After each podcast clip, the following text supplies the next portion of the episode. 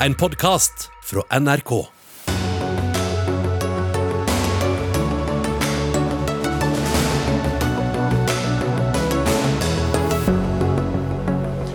Kaotiske tilstander på flyplassen i Afghanistans hovedstad etter hvert som eh, både internasjonalt ansatte og lokale innbyggere forsøker å rømme landet etter Talibans sjokkovertakelse. Hva skjedde egentlig med den siste klimarapporten fra FN i all valgviraken? Nå presser flere ungdomspartier på for mer handling. Og hva snakker egentlig rikspolitikerne om når de turnerer landet på kryss og tvers? Ikke det de lokale velgerne er opptatt av, mener kommentator som kommer til Dagsnytt 18. Og i dag var det første skoledag for veldig mange småttiser i Norge. De bør slippe pulter og pugging og prøver, mener KrF. Da blir det økte sosiale forskjeller, innvender Høyre. Og med det så ønsker vi velkommen til Dagsnytt 18, vi, med Sigrid Solund og Espen Aas. Vi sender fra et uh, duvende studio her i Pollen i uh, havna i sørlandsbyen. Prøve å holde sjøsyken unna. Og fordi vi uh, var litt nervøse for været i dag og ikke ønsket våte gjester, skal vi nå gå inn og starte sendingen her. Det blir mye valgkamp, men vi begynner med den urolige situasjonen i Afghanistan. For mange har nok eh, sett eh, scenene der eh, både internasjonalt ansatte rømmer byen, og også mange lokale innbyggere forsøker å komme seg ut av Afghanistan.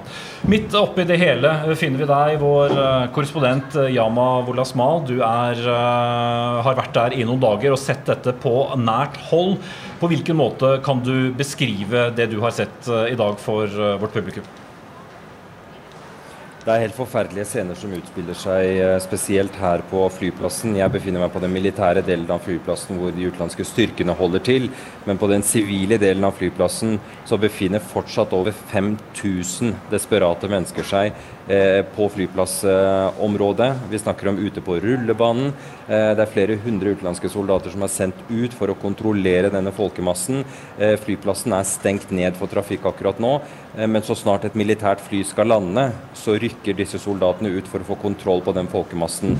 Og det første som skjer når dette flyet lander, er at disse menneskene stormer mot det flyet og klamrer seg til flyet i håp om at de kan bli med flyet, selv om de ikke er på innsiden. og Det er derfor vi har sett disse forferdelige scenene med afghanere som detter ned når det flyet tar av. Mm.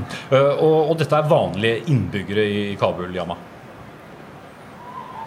Så langt vi vet, så er dette eh, sivile afghanere som eh, sier at de har tjenestegjort sammen med Nato-styrker, og mener at de har et krav på å komme seg ut fordi de frykter for livene sine. Og Hva frykter de kan skje dersom Taliban tar full kontroll over uh, Kabul, og, og de fortsatt er der? Jeg sto med en gruppe på rundt 500 av disse menneskene i går, og hver og en av dem sa at de frykter at Taliban skal hevne seg på dem Eh, at de blir sett på som forrædere av Taliban, og at de ikke akter å forlate flyplassområdet før utenlandske styrker hjelper dem. Mm. Og, og, Hva slags eh, opplysninger har du nå om eh, situasjonen rundt Kabul? Jeg har sendt ut mine lokale kolleger, eh, våre fiksere, ut i gatene for å se, se, an stemningen. Eh, de sier at eh, Taliban har sine krigere over hele byen. At de har plassert dem ut ved viktige knutepunkt. De går gjennom biler, de sjekker ID-kort. I det store og hele så har de sørget for ro og orden i en sånn ustabil periode som vi er inne i nå. I tillegg har Talibans øverste leder i dag gått ut med en tale til nasjonen hvor han sier at det er nå prøvelsens tid begynner for vår bevegelse. Det er nå vi må vise vårt folk og vårt land eh, hvordan vi skal stille opp for dem. Mm. Eh, så har det da kommet meldinger fra norske myndigheter om at norsk eh, ambassadepersonell da skal være evakuert. Eh, hva vet du om det? Etter det jeg kjenner til, så er de utnevnte ambassadeansattene fra Norge, altså etnisk norske ansatte, er evakuert. De er ute av landet. Eh, men etter det vi kjenner til, så er de lokale ansatte fortsatt ikke evakuert. Og dette jobbes det med nå, eh, i likhet med flere andre vestlige ambassader som prøver å få ut sine lokale ansatte. Mm. Så vi foreløpig takk til deg, Yama Losmal, vår Midtøsten-korrespondent. Vi har noen gjester her i studio også. Samina Ansari, du har jobba med fredsarbeid i Afghanistan og er leder av Aviana Diplomacy, et nettverk for kvinnelige entreprenører i landet. Hvordan vil du beskrive det som skjer i Afghanistan nå? Jeg har jo snakket med veldig mange venner og bekjente den siste tiden. Eh, men eh, i de siste 48 timene så hadde det vært utrolig krevende eh, å få tak i mine venner og bekjente i Afghanistan. Og jeg håper at det har å gjøre med at de ønsker å isolere seg litt fra kommunikasjonsplattformer. Jeg fikk tak i en eks-student i dag fra tiden jeg underviste på, underviste på universitetet i Kabul. Det hun fortalte meg, en alder av 21 år, er at hun frykter Taliban basert på de historiene hun har hørt om Taliban. Eh, og det trenger ikke kun å handle om historier som hun har hørt fra sine eh, foreldre. Fordi det vi vet i dag, det er basert på data som er samlet inn av lokale NGO-er i Afghanistan, at Taliban som har tatt store landområder i både Nord- og Sør-Afghanistan, har faktisk eh, vært voldelige mot kvinner som ikke har gått med burka. Kvinner har blitt fortalt om at de må være med en mannlig følger av familien når de forlater huset, i tillegg til at kvinnebarn har blitt giftet bort til Taliban-soldater Eh, og dette er da i nord- og sørprovinsene hvor de har hatt eh, regjering en stund. Så det er ingen grunn til å tro at det skal bli færre menneskerettighetsbrudd da, kanskje særlig mot jenter og kvinner, enn det var eh, da, da Taliban styrte for 20 år siden? Akkurat nå så er det veldig mye frykt for at det ikke kommer til å skje. For det er jo et kjempestort gap mellom eh, Taliban i Doha, som er deres diplomatiske delegasjon, eh, og hvordan Taliban er i praksis i landet. Jonas Gahr Støre, du har i 20 år eh, som, eller av de 20 årene som Norge deltok, deltok i krigen i Afghanistan, vært utenriksminister i sju av dem. Krigen er over, Taliban har erklært seier fra presidentkontoret. Hva sier du til de scenene som utspiller seg i dag? Nei, altså Jeg er på linje med alle andre sjokkert over de bildene. Eh, dette at det skulle gå så fort. Eh, jeg tror alle så at dette kom til å komme. Men kollapsen av det regimet som Ghani satt på, kollapsen på sikkerhetsstyrkene, antageligvis mye færre enn man trodde, det er jo fortellingen om et sammenbrudd.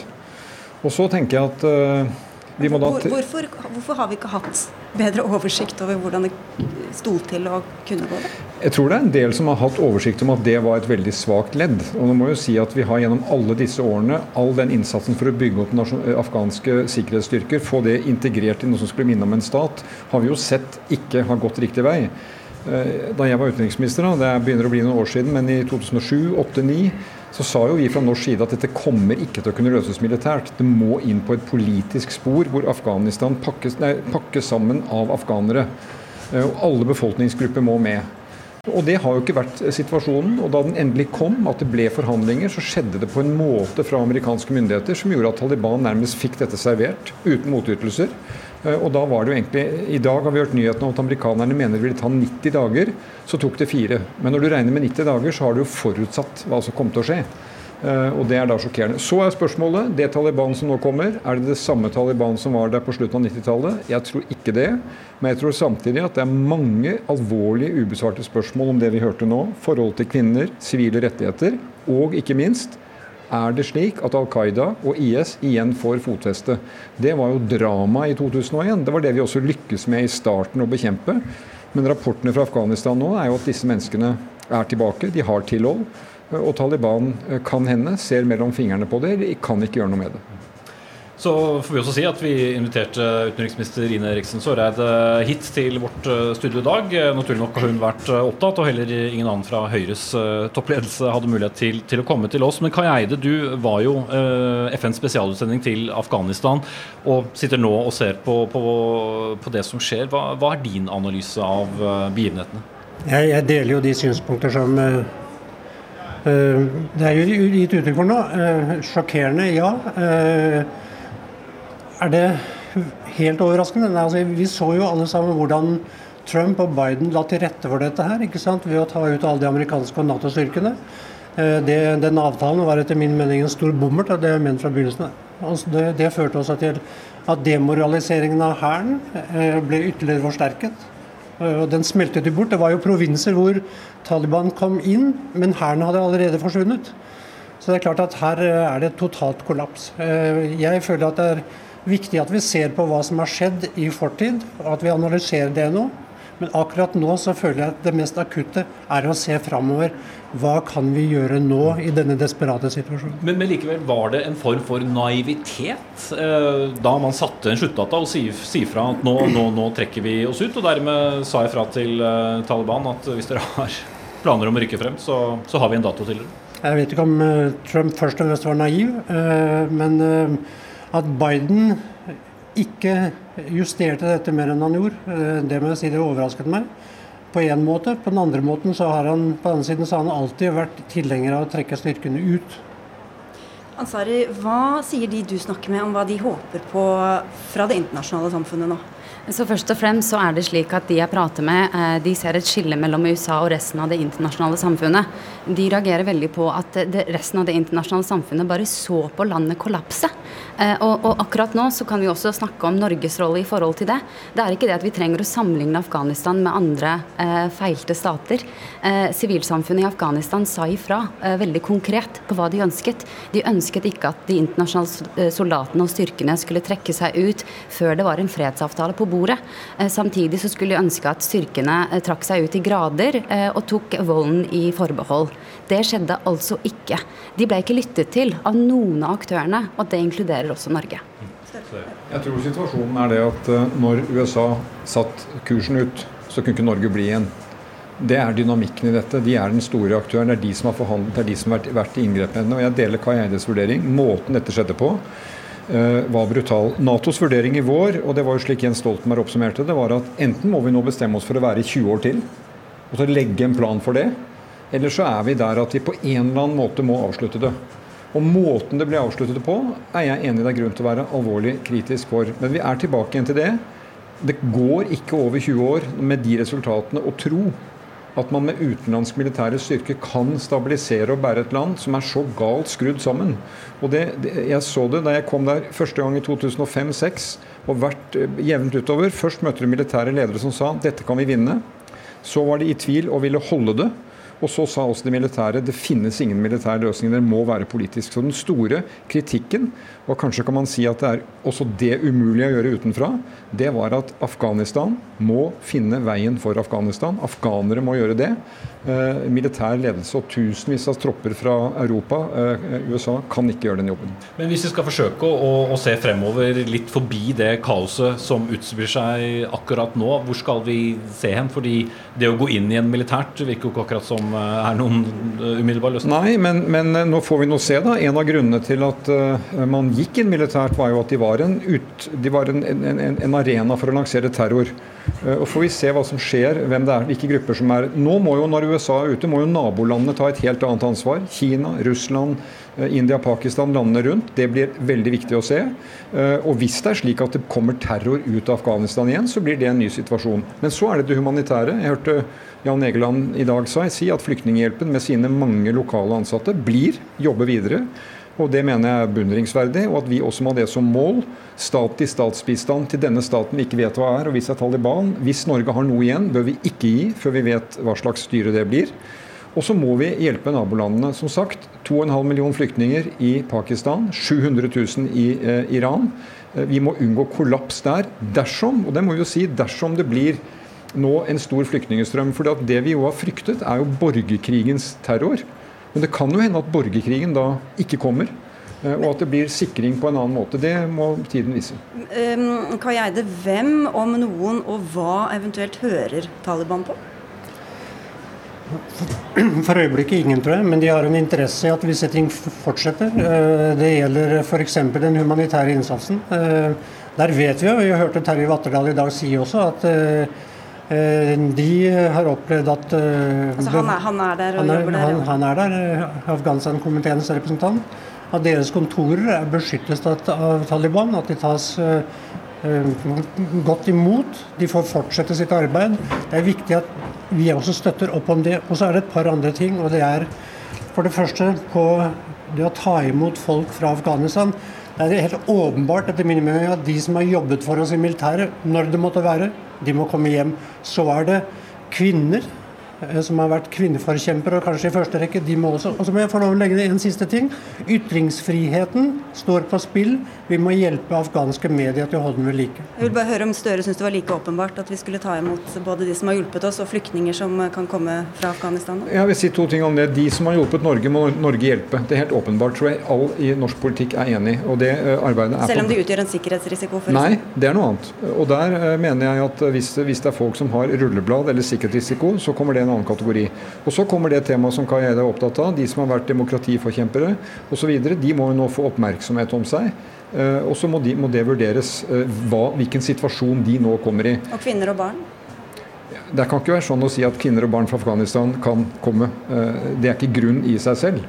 Eh, vårt vanlige eh, regelverk for asyl for eksempel, handler jo om om du blir individuelt forfulgt, om det, det, er grunn til det. Det må vi nå avvente og se. Som sagt, Det er nabolandene som får det store trykket om det kommer. Vi må hjelpe dem, og det må skje i samarbeid, særlig gjennom FN. Men Ansari, hva, hvordan ser du for deg den situasjonen nå? Vi har snakket om det internasjonale samfunn, vi har nabolandene, men så har vi da denne ganske øyeblikkelige maktovertagelsen eh, som vi ser fra, fra Taliban, og folk som er desperate, da i hvert fall i Kabul, på å komme seg ut. Så de aller fleste jeg prater med, har mistet all håp. Det eneste håpet de har igjen, er at det blir en fredelig maktovertagelse i Kabul, slik at det ikke blir borgerkrig der også. Så umiddelbart så mener jeg at eh, Norge eh, bør presse amerikanerne til å faktisk beskytte flyplassen til å begynne med. Eh, slik at det, det kaoset på en måte får en, får en avslutning, og at folk som ønsker å evakuere seg ut av landet, får muligheten til det. Jeg tror vi kan si ganske sikkert at vi kommer tilbake til dette i morgen. Takk skal dere ha.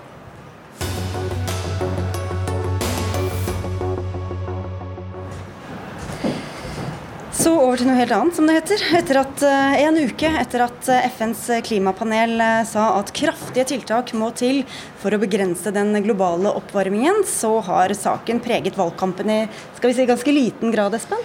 Ja, iallfall hos de store partiene, som vi gjerne sier. Arbeiderpartiet, Høyre, Fremskrittspartiet og Senterpartiet. Går vi derimot til ungdomspartiene, så ser utålmodigheten ut til å være noe større. Og Ola Svenneby, du er leder i Unge Høyre. Hvordan syns du at ansvarlige politikere fra ulike partier har tatt inn over seg det den rapporten beskriver? Det jeg syns var det merkeligste, egentlig, var at det virka som om veldig mange var overraska over det som var resultatene i den rapporten. Fordi Hvis man har fulgt med i utslippstallene fra stort sett alle verdens land, egentlig, så, så har det jo ikke vært altfor alt for mye å glede seg over. og I tillegg under et koronaår så gikk så gikk ikke utslippene så mye eh, ned. Så jeg var egentlig litt mer overrasket over at det var så stor overraskelse over hvilken vei det er i ferd med å gå. egentlig. Mm. Albert Tenne Bekkhus, du er leder i Ungdom og har en bakgrunn også i eh, natur og ungdom. Eh, er du fornøyd med hvordan stortingspolitikere og regjeringsmedlemmer eh, grep tak i denne rapporten forrige mandag? Altså jeg må starte med å si at jeg er veldig enig i det Ola sier. Altså, dette er ikke overraskende. Dette har vi visst lenge. At klimakrisa er alvorlig, reell menneskeskapt allerede i gang, og at vi er nødt til å gjennomføre drastiske endringer. Mm. Så, Men det er jo det vi lurer på, da. Ja, ja. Og hva, hvordan dere vurderer innsatsen fra de skal vi si, voksne politikerne i, i hermetegn den ja. uken som har gått? Nei, den syns jeg har vært eh, altfor dårlig. Det har vært en svak respons. Man ser at politikere fra Arbeiderpartiet til Høyre sier at nei, vi skal fortsette på med dagens oljepolitikk. Vi skal fortsette på å pumpe opp klimaendringer. Det mener at det er altfor dårlig. Denne, eh, hvis man først har blitt overraska som voksenpolitiker over denne rapporten, så bør det i hvert fall få lyset til å gå opp for en, og så bør man gå inn for en mer eh, klimavennlig politikk. Mm. Frøyk Svelle, du er leder av eh, Senterungdommen. Er du like skuffet over de voksne partilederne? Ja, jeg tror vel kanskje at alle som er unge, kanskje er litt sånn oppgitt av de voksne partilederne innimellom. Eh, samtidig så må jeg få lov til å bruke muligheten til å være ganske stolt og fornøyd over veldig mye av de tingene vi har fått til når vi har jobba med klima i Senterpartiet sitt program. Eh, siden det er jo ingen tvil om at Senterungdommen har jobba mye med det her, i hvert fall de siste to-tre årene. Mm. Jeg tenkte vi skulle ta tak i det, hva dere mener og hva moderpartiene mener. Svenneby, du har oppfordra Høyre til å ta en ny oljedebatt, bl.a. om hvor lønnsomt det skal være for eh, oljeselskapene selskapene å lete etter ny og mer olje, og hvor lenge de skal holde på med dette. Hva skulle du ønske at var Høyres politikk på det området? Jeg syns det er altfor enkelt med veldig mange politikere som sier at leterefusjonsordningen må bort, eller den ordningen må bort. Så det er den ordningen som gjør det skal vi si, lønnsomt Nei, for Mitt poeng er at det handler om veldig mye mer enn det. Og Ja, jeg- prøvde bare å forklare mitt- hva det var for noe. Ja, Ja. min, min, viktig, eller min største redsel egentlig er at vi sitter med skjegget i postkassa. Og det handler om hvordan vi leter, men det handler f.eks. også om at eh, staten er største eier i Equinor. Det handler om at vi kan ha veldig mange arbeidsplasser i olja når resten av verden går over til noe annet. Så det er egentlig mitt viktigste, po- viktigste poeng, at det må også og alle politikere ta inn over seg. Og så betyr ikke det nødvendigvis radikale endringer. Jeg mener jo tvert imot at vi har dårlig tid. Det er tvert imot en, det er en plikt egentlig til å ikke få moralsk panikk og gjøre det som vi vet faktisk funker. Men poenget er jo altså at du ønsker deg en litt annen vridning i Høyres oljepolitikk. Ja, jeg synes man, i hvert fall at man skal være åpen for å diskutere det. fordi Personlig så syns jeg at eh, de store partiene, egentlig uavhengig av hvilke det er, er litt for opptatt av å si nei, nei, dette funker. Så har det funka veldig bra. Det er verdens beste energipolitikk. Men det er ikke sikkert at det kommer til å funke de ti neste åra. Men også i mindre partier. Bekkhus, du øh, er heller ikke bare enig med ditt øh, moderparti, for du skulle ønske også det gikk lenger. Ja, det skal jeg gjøre. Men hvis det er greit, vil jeg gjerne starte med å kommentere litt på det Ola her sier. For jeg synes det er litt spesielt at du sier vi har dårlig tid, men vi kan ikke gjennomføre radikale endringer. Vi må gjøre det mindre lønnsomt, men vi kan ikke fjerne leterefusjonsordninga. Det, det, det, henger, jo ikke helt på greip. Eller kan ikke sette Men- en sluttdato som ditt parti ikke ville. Det er det jeg skulle til å komme inn på. Eh, I Rogndom skulle vi gjerne ønske at Rødt hadde vært med på å beholde en sluttdato for oljeproduksjon. Det mener jeg at vil føre til en mer ansvarlig avvikling av oljepolitikken. At man setter en plan, nei, setter en dato, så må man også lage en plan. Men det jeg minste kan si er at jeg og Rødt er jo enig i de viktigste tingene, som er nei til alle nye letetillatelser, trekke tilbake 23., 24., 25. konsesjonsrunde, avvikle TFO og leterefusjonsordninga og mer til. Og det tror jeg er det absolutt aller viktigste hva vi kan gjøre i dag. Torleik Svelle, du sa du var veldig fornøyd med deres eh, påvirkning av Senterpartiets eh, klimapolitikk. Jeg gikk inn på Senterpartiets hjemmeside. Av de siste 50 sakene som var lagt ut, vet du hvor mange som handlet om natur og klima? Eh, nei. Én. En, ja. En. Og ikke nevnt blant hjertesakene til partiet heller. Hvordan står det til med klimaengasjementet i Senterpartiet? Jeg er kanskje først og fremst opptatt av det vi klarer å få gjennomslag når vi behandler program. Eh, Og det vi har fått gjennomslag for når vi behandler program, er bl.a. et eh, grønt investeringsfond på 10 Hvordan står det til med klimaengasjementet i partiet ditt? Jo, hvis du leser programmet til Senterpartiet, så mener jeg at det står veldig bra til. Eh, Og at vi har ganske gode og konkrete løsninger. Og så kan man selvfølgelig bli enda bedre, og ungdommen vil jo selvfølgelig at det skal gå fortere. Men Naturvernforbundet har gått gjennom alle partiene. De gir Senterpartiet et elendig resultat. Hvorfor tror du at de landet sånn? Det må du nesten spørre Naturvernforbundet om. Det kan jo hende at de ikke er så glad i rødt kjøtt som det vi er, så jeg mener at det er en del av klimaløsningen. Det var nok bare ett av mange punkt. Men Unge Høyre her sier altså at vi må trappe ned på olje- og gassutvinningen, ikke lete etter ny olje. Er du enig? Jeg er jo enig i at man kommer til å måtte trappe ned oljeletinga i åra som kommer. Eh, Og jeg tror nok også det kommer til å skje. Eh, Fordi det kommer til å bli mindre lønnsomt etter hvert som grønne næringer blir mer lønnsomme. Så det må markedet skal styre, da? Eller? Jeg tror nok at ikke markedet kanskje styrer helt alene.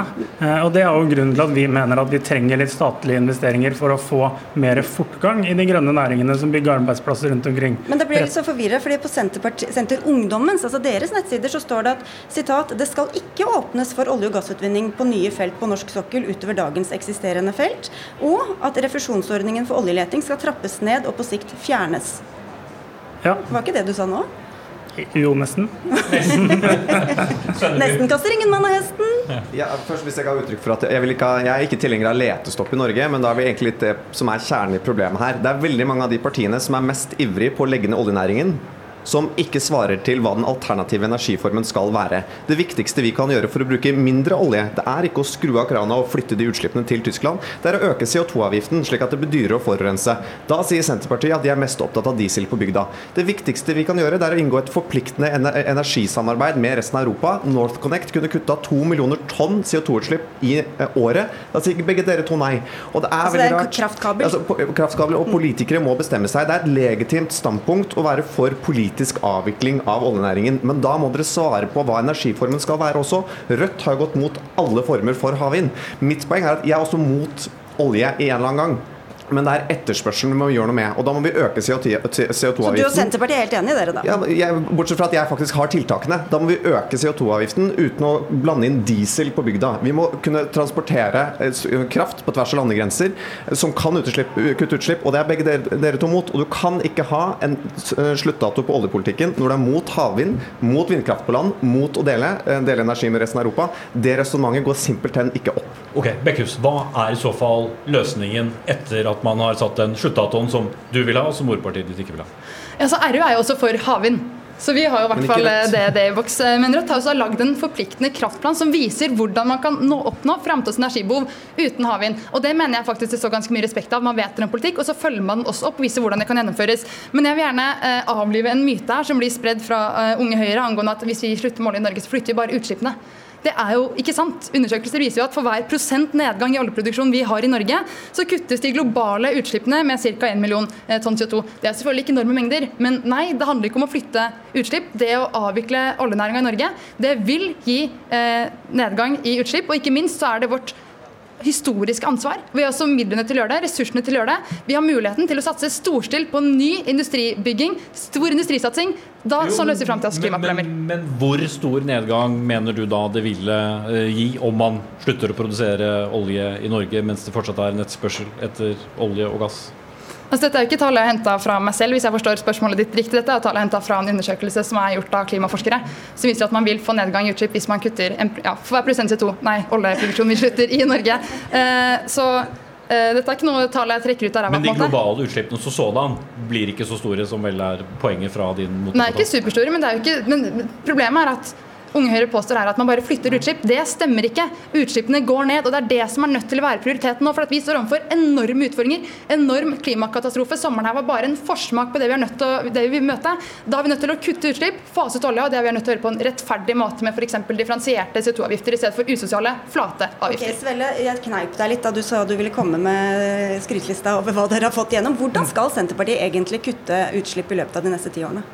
Jeg tror nok en av de tingene som man må gjøre, er å kunne bruke bruke en del statlige midler for å gjøre investeringer som gjør at du får fart på grønne næringer.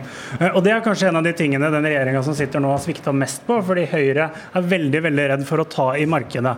Og En sånn fin sammenligning var at i 2006 så lå Norge langt fremme på å produsere solceller, men det var ingen som turte å ta den litt vågale investeringer, og så tok Kina resten av markedet. Akkurat samme situasjon nå har vi på både flytende havvind, vi har den samme situasjonen på hydrogenproduksjon, batteriproduksjon og produksjon av biodiesel. Så det er de grønne næringene du mener skal løse det? Ja, jeg mener at det er en viktig næring å satse på for å både skape arbeidsplasser og kutte utslipp. Men det, men det, er dette som er problemet. Altså, det er veldig lett å stå her og ha det Det virker som det viktigste kritikkpunktet deres er at det ikke investeres nok. Vel, Senterpartiet vil jo ikke ha elektrifisering av sokkelen. Dere er imot havvind. Dere er imot de tiltakene som faktisk legges frem. og jeg mener at Det er en ganske tydelig forutsetning. Og så er vi enige om at vi på et eller annet tidspunkt skal slutte, slutte med olje igjen, men da må man faktisk svare på de tiltakene som faktisk kommer. Og en ting er at Rødt er mot havvind, og så er SV mot, mot vind på land, og så er Senterpartiet mot CO2-avgift. Alle begge to er mot at vi skal ha internasjonalt samarbeid, mot EU sin forpliktende klimaplan. Det er altfor enkelt å kritisere når dere ikke svarer opp, eh, slik at resonnementene faktisk blir faktisk gir mening. Nei, det er mot det ene internasjonale samarbeidet som faktisk kutter utslipp. Det internasjonale samarbeidet som er vårt felles kvotemarked. Der vi kan dele strøm, som gjør at Europa kan gå sammen for å være et fyrtårn i verden for å, vise, for å vise at det er faktisk mulig å kutte utslipp uten å kutte utviklingen. Men handler alt bare om eh, å kutte utslipp fra olje og energi, eller finnes det andre måter å begrense utslipp på? Ja, og jeg mener at En av de tingene som man må tørre å diskutere, er den internasjonale flytrafikken. Eh, fordi det går utrolig mye utslipp på tant og fjas med folk som tar den åttende og den niende turen til New York eller til Thailand, hvor det er store utslipp.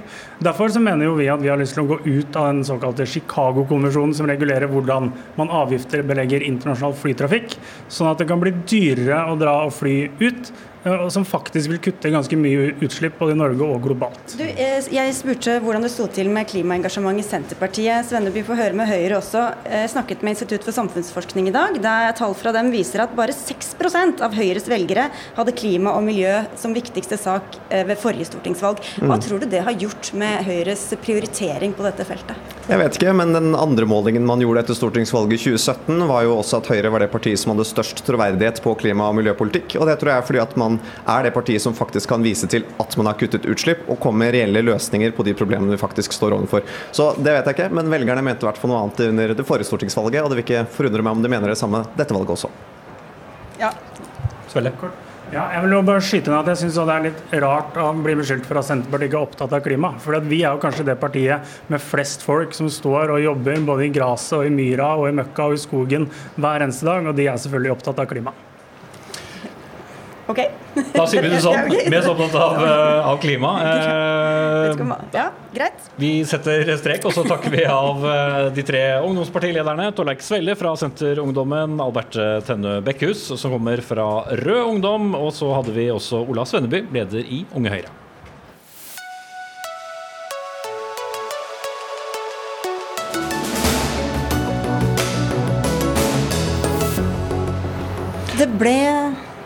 Nå skulle jeg si noe annet før du slapp til, Sigrid. Jeg aldri finne på å avbryte deg, Espen. Nei, skulle tatt seg ut.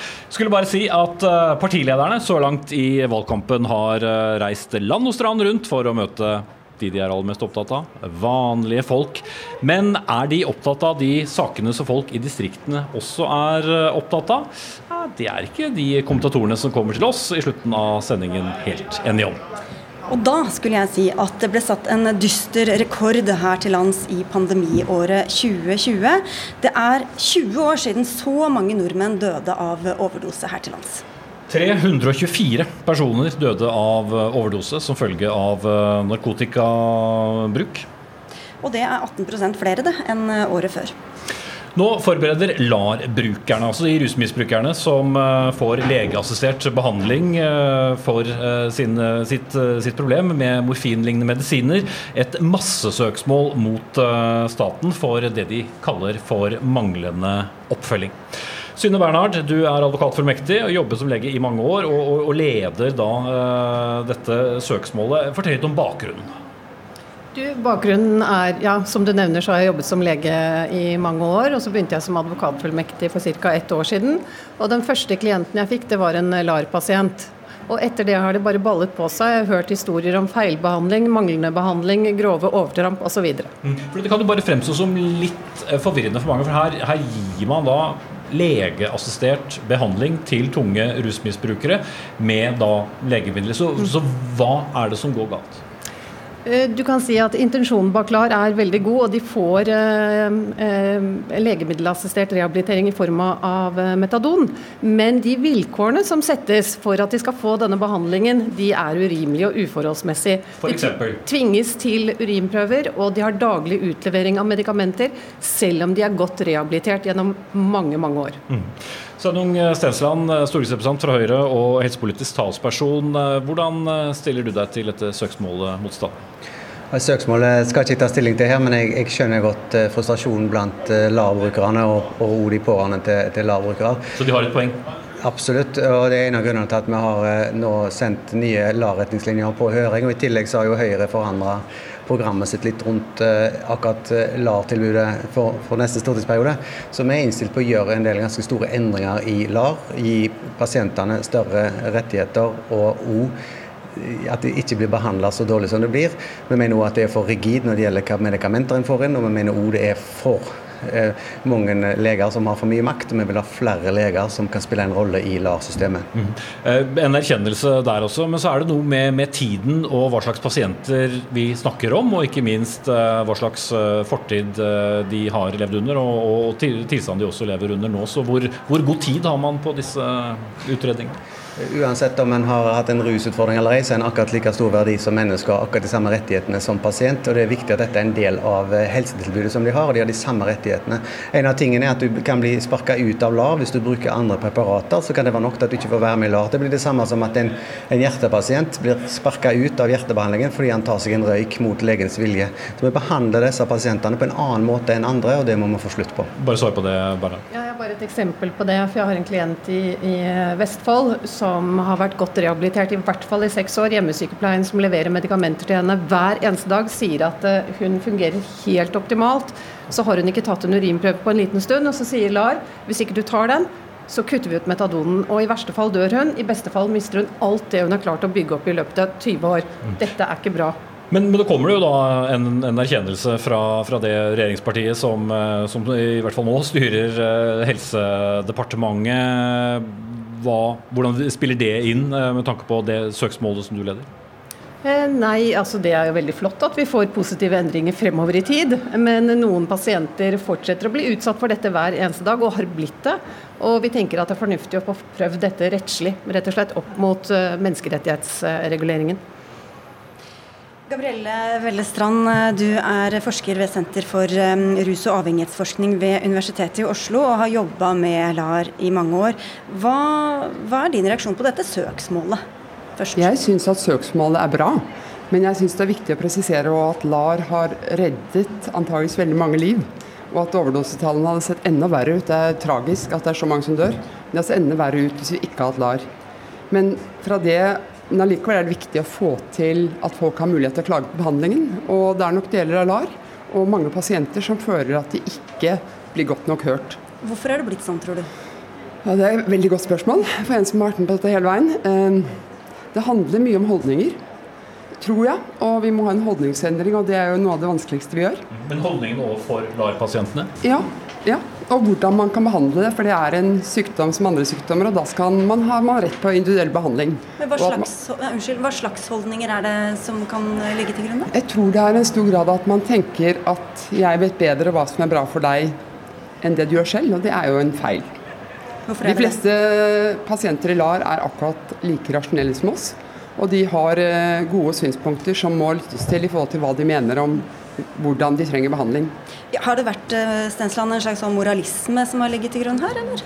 Ja, vi, vi, ønsker jo å fjerne stigmatisering rundt rusmisbrukere eh, generelt. og det, det, er jo det vi ser her i LAR, og det vi ser at mange blir møtt som sånn som blir beskrevet her, så er sånn overfor nedadholdninger. De har de samme pasientrettighetene som andre. En LAR-pasient så er metadon eller Subutex eller hva de står på, medisinen deres. Og det å ta medisinen fra folk fordi de ikke gjør sånn som legen sier, det er jo ikke en god behandling av folk. Nå er det jo ikke dette eh, ting som har dukket opp eh, akkurat nå denne sommeren eller i forbindelse med, med søksmålet til Werner. Så hvorfor, det, hvorfor, er vi kommet eh, til den erkjennelsen først nå? Hvorfor har vi ikke grepet tak i, i disse tingene tidligere? Det er ingen hemmelighet at Høyre har hatt et sterkt engasjement for rusfeltet de siste årene. og Revisjonen av LAR-retningslinjene har jo pågått noe tid. og Det som òg kjennetegner det feltet, er at det er veldig sterke fagfolk som står sterkt imot hverandre. Vi har hatt opprivende faglige konflikter rundt dette. Retningslinjene rundt LAR og gravide er et stikkord. Så det har vært veldig krevende så politisk å gjøre endringer når fagfolkene er så riv ruskende uenige. Men eh, nå har vi sagt at vi skal politisk sørge for at du får inn flere preparater. Vi vil òg at allmennleger skal kunne etter sertifisering kunne kunne være LAR-leger, sånn at ikke spesialisthelsetjenesten har hele makta her. Sånn at det er lettere å få behandling eh, der du bor. Og nettopp de, Jeg skal bare følge opp det med de gravide, fordi det er jo noe vi har diskutert også flere ganger. og Hvilke rammer eh, og, og, og eh, rettigheter de skal ha. Du har også forsket på dette, Vellestrand. Hva, hva er det dere har kommet fram til der? Ja, vi har kommet fram til mye forskjellig. Vi har fulgt dem over mange år. Men vi ser at de som har fått barn i LAR for rundt ti år siden, de klarer seg veldig bra som gruppe. 50% er i jobb, de aller fleste i full jobb. Over 80% har omsorg for barna sine. Så LAR-bildet er veldig nyansert. Det er fra relativt slitne brukere som er mest på gata, til de som er helt makne som oss, som vi ikke ser forskjell på i det hele tatt. Men jeg tror bare for å svare litt på noe som en av dere spurte om i sted, jeg tror at grunnen til at det kommer nå, at vi har veldig sterke brukerorganisasjoner også, som er flinke til å påpeke. Det kommer en ny undersøkelse fra Prolarnett i morgen som har intervjuet over 800 brukere om hvordan de har det i forhold til LAR. Og hvordan de har det i forhold til fastlegen. Og de er, nokså, de er veldig skeptiske. Mm. Mange da, pasienter.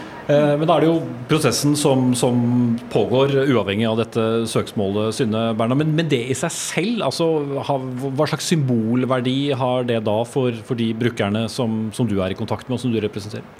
At det skjer politiske endringer? Nei, altså selve søksmålet i seg selv. De politiske endringene er jo underveis. Ja. Nei, eh, Søksmålet tror jeg har en stor verdi på mange plan. Eh, og jeg har jo hørt, eh, etter at NRK hadde det i Lørdagsrevyen i, i mars, så har jeg fått 1000 telefoner, kanskje, og de sier at endelig har vi fått håp. Det er noen som tror på oss, fordi at LAR sin grunnleggende presumpsjon er at deres pasienter er notoriske løgnere. Men så gjenstår det selvfølgelig å se hva som skjer med, med, med dette søksmålet. Det kan være en, en lang prosess, men kan ikke det også kanskje gi falske forhåpninger? Nei, det tror jeg ikke, for det, nå kommer det jo endringer. Men uavhengig av, eh, uavhengig av Det er ikke så sikkert. Nei, ikke sant? Uavhengig av, av, av, av, søksmålet. Og nå står vi jo midt oppe i en Det har jo vært en ganske opprivende runde rundt selve, selve rusreformen, hvor partier har vært uenige på, på begge sider av aksen eh, Sveinung Stensland. Så vil det være en politisk nå enighet om at her har vi ikke gjort god nok jobb, og at eh, her, her må ting endres videre? Altså, LAR har vært bra, som det påpekes, har redda mange liv, men det er ikke godt nok. Eh, men hele rusdebatten vi har hatt de siste to årene, har jo virkelig løfta det, det, feltet. Og i tillegg fått, eh, fått, oppmerksomhet rundt stigmatiseringen som vi ser. Men skal vi lykkes med LAR, så kan vi snakke om leger og vi kan snakke om medikamenter, men mest av alt om rehabilitering. Og det ser vi òg at det er altfor stor forskjell i hvordan de fanges opp i kommunene, hvordan de får hjelp til å komme inn i et, et, et vanlig liv. Mange LAR-brukere har alt dette på plass, men mange trenger hjelp til å få plass å bo og komme i aktivitet. Så, så, dette er fragmentert, der kommunene har noe ansvar for rehabiliteringen, mens da spesialisthelsetjenesten har ansvar for selve LAR-medisineringen. Mm.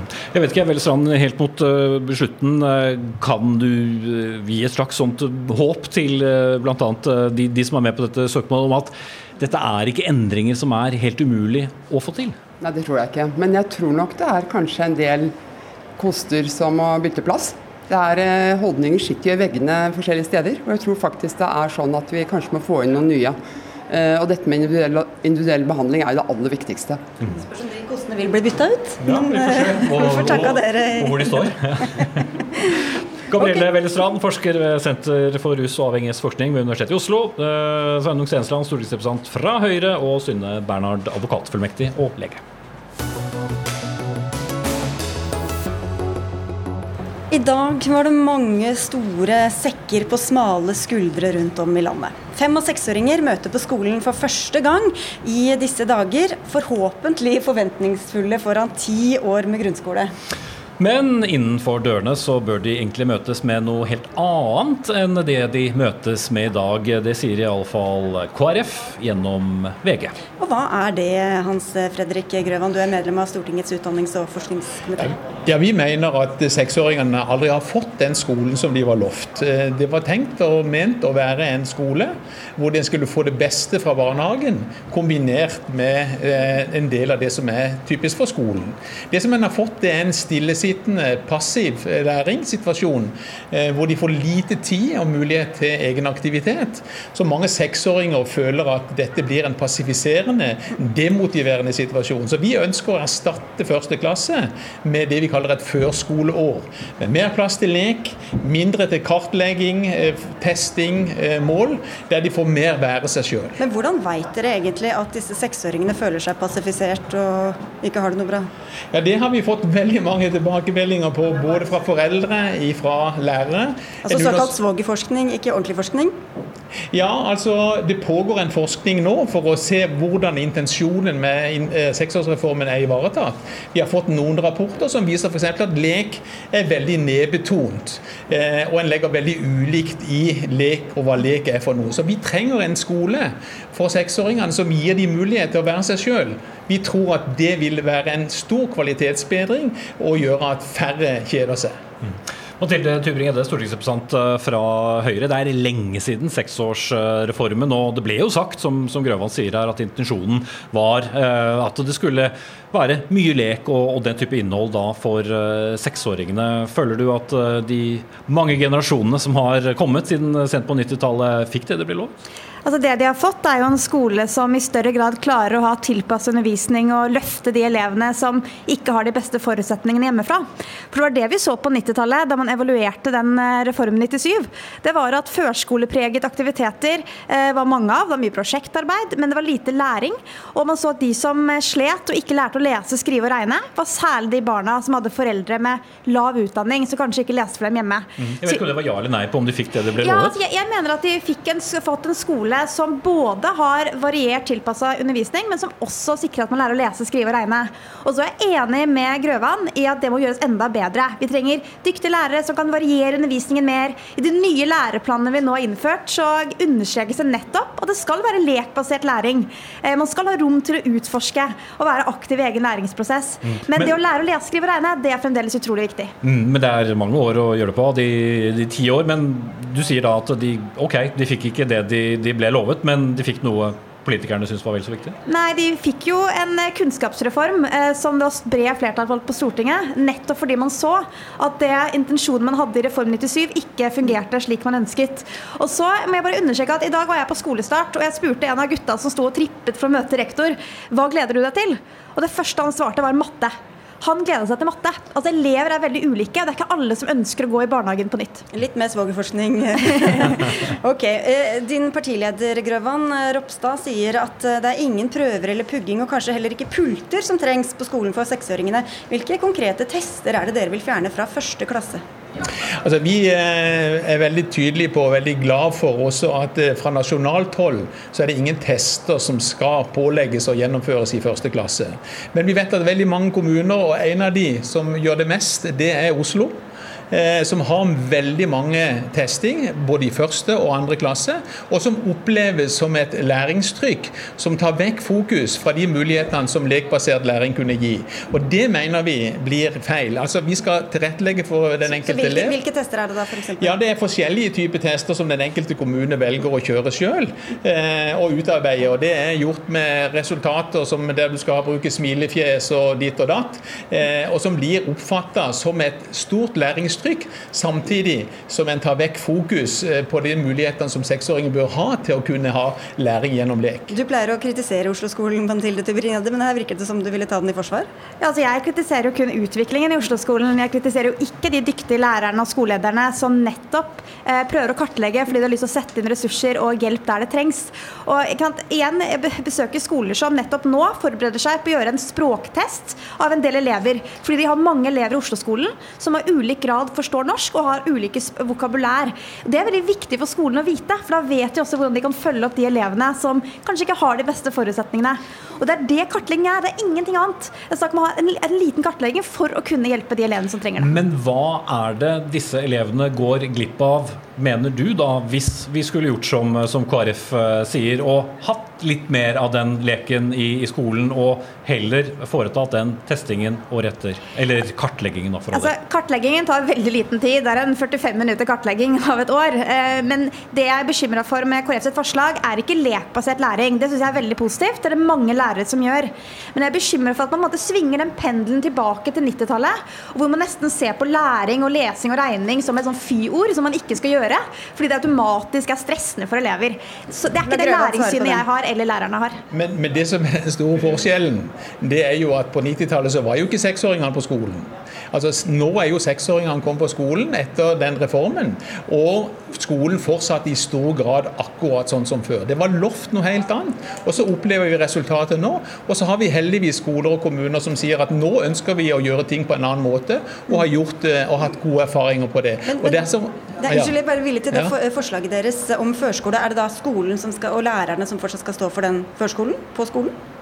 Altså, Vi mener at eh, vi får en, en god før, et godt førskoleopplegg ved å ta med seg noe av barnehagepedagogikken. Det vil si at vi kan Ja, men ta det er med skolen som skal gjøre det, det er lærerne som skal drive Det er skolen den? som skal gjøre det, ja. Okay, så Det hva som... blir forskjellen da på den eh, altså I første klasse i dag så tror jeg det går med veldig mye tid på å prøve å trøste og lære bort holdninger. Altså Hva er forskjellen på den, ja, Men- på den førskolen dere vil ha, og den førsteklassetrinnet som er i dag? Jeg har vært såpass mange år i skolen at jeg vet at hvis skolen får veldig tydelige, spesifikke mål om at de skal gjøre det sånn og sånn Og hva så vil- skal være målet da for den ja, førskolen? så vil læreren være prega av det. Hvis en åpner det opp og sier at nå skal vi ha lek for aktivitetens skyld, ikke først og fremst for å lære alfabetet veldig tidlig, eller matematikk veldig tidlig, men vi skal ha naturlige aktiviteter. Blir ett år med aktivitetsskole, da? Nei, man... altså det skal være en kombinasjon. Men vi skal legge mer vekt på seksåringens naturlige aktivitet. Fordi at vi vet at det fremmer trivsel, det fremmer motivasjon og det fremmer lærelyst. Og det er noe som vi vil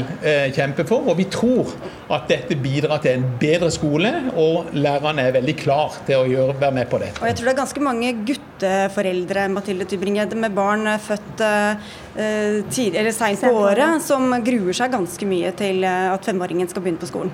Og jeg tror Det er et veldig godt eh, eksempel på at vi må ha lekbasert læring og variasjon i første klasse. og Hovedmåten vi får til det, det er jo ikke å si at det kaller det førskole eller kaller det første klasse. Det er jo å sikre at man får dyktige lærere som er eksperter på begynneropplæring, som vet hvordan de yngste barna både kan lære å lese og kunne bokstav, bokstavlyder og tallrekkefølgen, men også være i aktivitet. Og Da satser vi på lærerne først og fremst. Det er det som er viktig. Men så var det jo et eh, Stoltenberg-utvalg, altså ledet av Camilla Stoltenberg, som jo åpnet for at uh, kanskje ikke alle skal begynne på skolen samtidig, og det handlet vel om noe av det samme?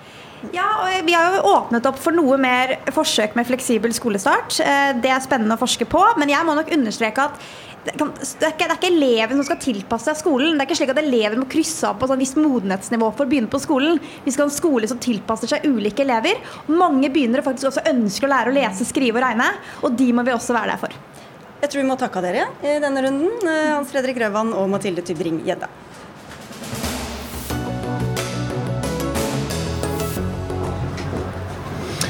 Leser du intervjuer med en rikspolitiker i en stor Oslo-avis? Eller ser eller hører vedkommende i en debatt i Dagsnytt 18, for den saks skyld? Så skulle man jo tro at det velgerne der ute, vanlige folk, det de var aller mest opptatt av, ja det var formuesskatt, klimarapporten, eller hva slags konstellasjoner som skulle regjere sammen med hvem etter 13.9. Men er dette temaer som fenger rundt om i det ganske land? Hva sier du, Gerd, Margrethe Kjellflot, du er politisk kommentator i Bergens Tidende. Hvilke saker av disse er viktige for deres lesere? Jeg tror at velgerne i Vestland er ganske like som velgerne ellers. Eh, men eh, det er klart at folk som bor ulike plasser, har jo litt sånn ulik inngang til tema som er viktig for dem. Altså, klima er veldig viktig for folk i Vestland, men det er klart at i en landsdel der så mange jobber i oljesektoren, så, så har man en mer sammensatt debatt. Det er levebrød til folk og, og til hele samfunn. Eh, og så er jo også samferdsel alltid kjempeviktig i Vestland, og ja, distriktspolitikk der folk bor i bygdene.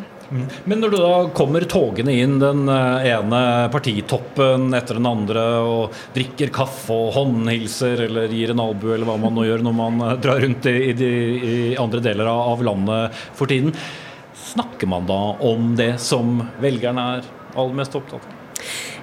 Da, da, får man jo tro at de gjør, men disse her ja, turene til partitoppene rundt omkring blir jo ofte litt sånn De blir jo litt show. Uh, fordi uh, det er jo veldig regissert, oppstilt. Det er ganske nøye utvalgt hvem det er man snakker med. Så det blir jo litt et sånn utstillingsvindu der det kommer litt an på hva man putter inn der, hva de får se.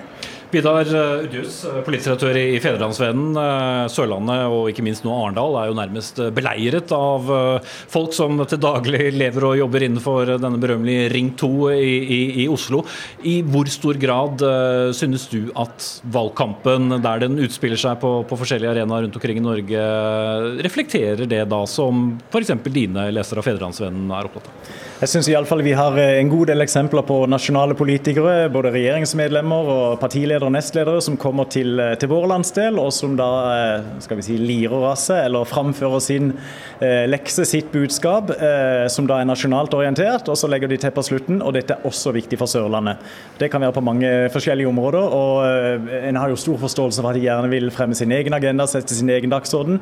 Men jeg tror nok at de med fordel en del kunne ha satt seg inn i den enkelte landsdels behov og situasjon før de kom i dette tilfellet til Sørlandet. Så de er litt mer opptatt av at de kommer på besøk, enn å sette seg inn i hva egentlig folk er opptatt av i den landsdelen? Vi får iallfall enormt mange henvendelser til Fedrelandsvennen når det nærmer seg besøk av en partileder, en nestleder, en statsråd, en statssekretær, som kommer for å fortelle om nasjonale saker de er opptatt av. og Da er det som regel vår oppgave å prøve å også snakke med dem om lokale saker. Marie Simonsen, eh, politisk eh, kommentator i skal vi si, Riksavisen Dagbladet. Med seg på slep har disse politikerne kanskje en eh, reporter fra dere. Hvor flinke syns du rikspolitikerne er til å fange opp og snakke om det folk faktisk er opptatt av rundt omkring?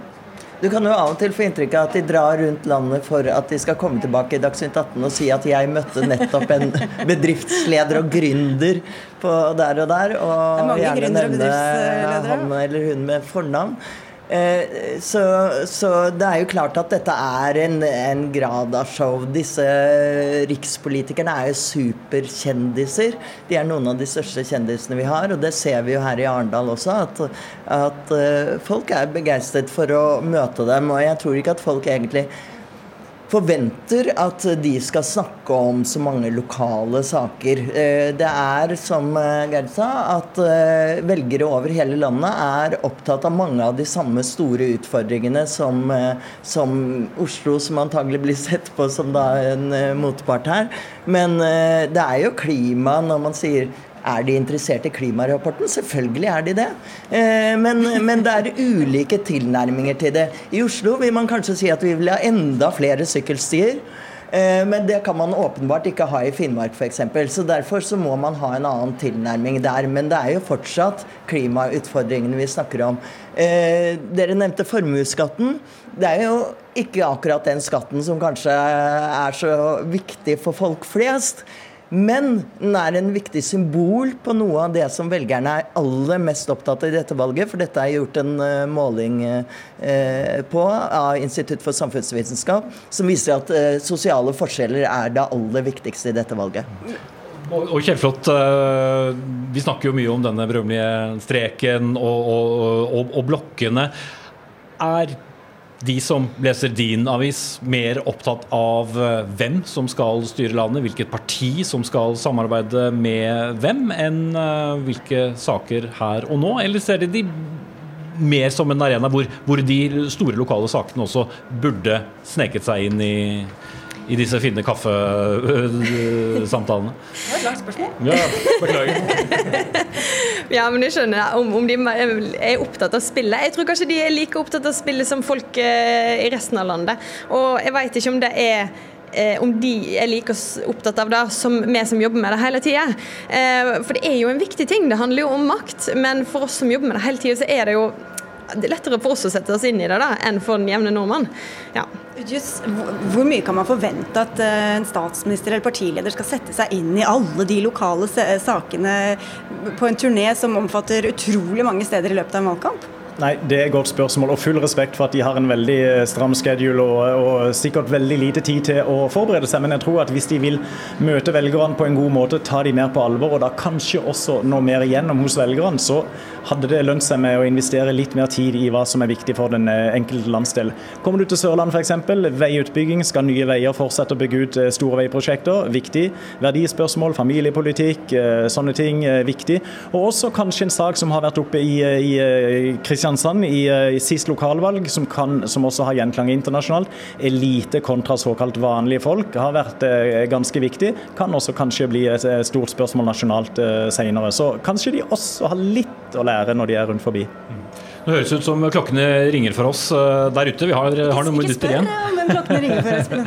Marie Simonsen, det er jo som vi var inne på, mange av eh, oss i, i riksmediene som da henger eh, etter alle disse rikspolitikerne. I hvor stor grad former vår tilstedeværelse også hva politikerne forteller? Selvfølgelig, det er eh, en stor del av agendaen når eh, nettopp Idar sier at, eh, at de kommer med lange rikspolitiske uttalelser og sier at det gjelder også for Sørlandet. Er det fordi at de vet at de har et publikum som er riksmediene. De vet at de kan komme i Dagsrevyen og de kan komme her og henvende seg til et større publikum. Men, men nå er jo dette et stortingsvalg. Jeg syns jo det kanskje er en større utfordring i lokalvalg, hvor ofte disse rikspolitikerne kommer inn og overskygger lokale politikere. Eh, kanskje på eh, områder som de ikke har noe å gjøre. Men så er det jo sånn at politikeren slipper ikke unna disse heller. Vi husker alle den famøse scenen med Liv Signe Navarsete som dro til Vestlandet og ble konfrontert med, hun, eh, med sykehusstriden der, og hun eksploderte og sa at dere vet ikke hva dere snakker om. Så eh, lokalpolitikken har en tendens til å dukke opp likevel, selv om man snakker i det som gjerne blir omtalt som rikspolitikk, så er det lokale utfordringer som de møter hvor enn de reiser. Kjellflot, hvor mange velgere tror du en rikspolitiker overbeviser gjennom å være med på en selfie eller stå og lytte til et eller annet lokalt sak i 40 sekunder? Det har jeg òg lurt veldig på. Men så er det kanskje heller ikke Eh, den lokale velgeren som er kanskje det viktigste, men du har jo også med seg masse lokale politikere på disse turene. Og det er jo veldig viktig, for det er jo klart at det er viktig at det kommer noen og ser den landsdelen og ser den plassen, og som også gir de lokale politikerne giv til å liksom stå på og drive valgkampen videre. Og det er kanskje de lokale politikerne som blir stående igjen kanskje litt svar skyldig, da, just på hva de egentlig fikk sagt til enten det er en statsminister eller en partileder som var på besøk. Det, det kan det fort være. Og så er det jo vårt ansvar da, som lokale regionale mediebedrifter å, å løfte fram både lokale politikere og lokale saker. Og Det prøver vi å gjøre, og så blir vi av og til ganske dominert av nasjonale vindmøller som eh, kan blåse ganske kraftig. Det blåser ganske, det vugger, vugger godt her på Flåtten. Jeg tror vi må takke for oss, men det blir jo valgsendinger utover kvelden her på NRK1 ikke minst, flere timer. Ja, ja, og ikke minst partilederdebatten som, som, mange venter på, som vi også skal få med oss. Dag Dørum var ansvarlig for dagens sending. Frode Thorshaug tok seg av det tekniske.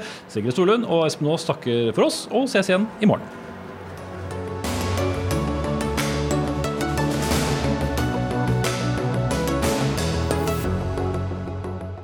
Du har hørt en podkast fra NRK. Hør flere podkaster og din favorittkanal i appen NRK Radio.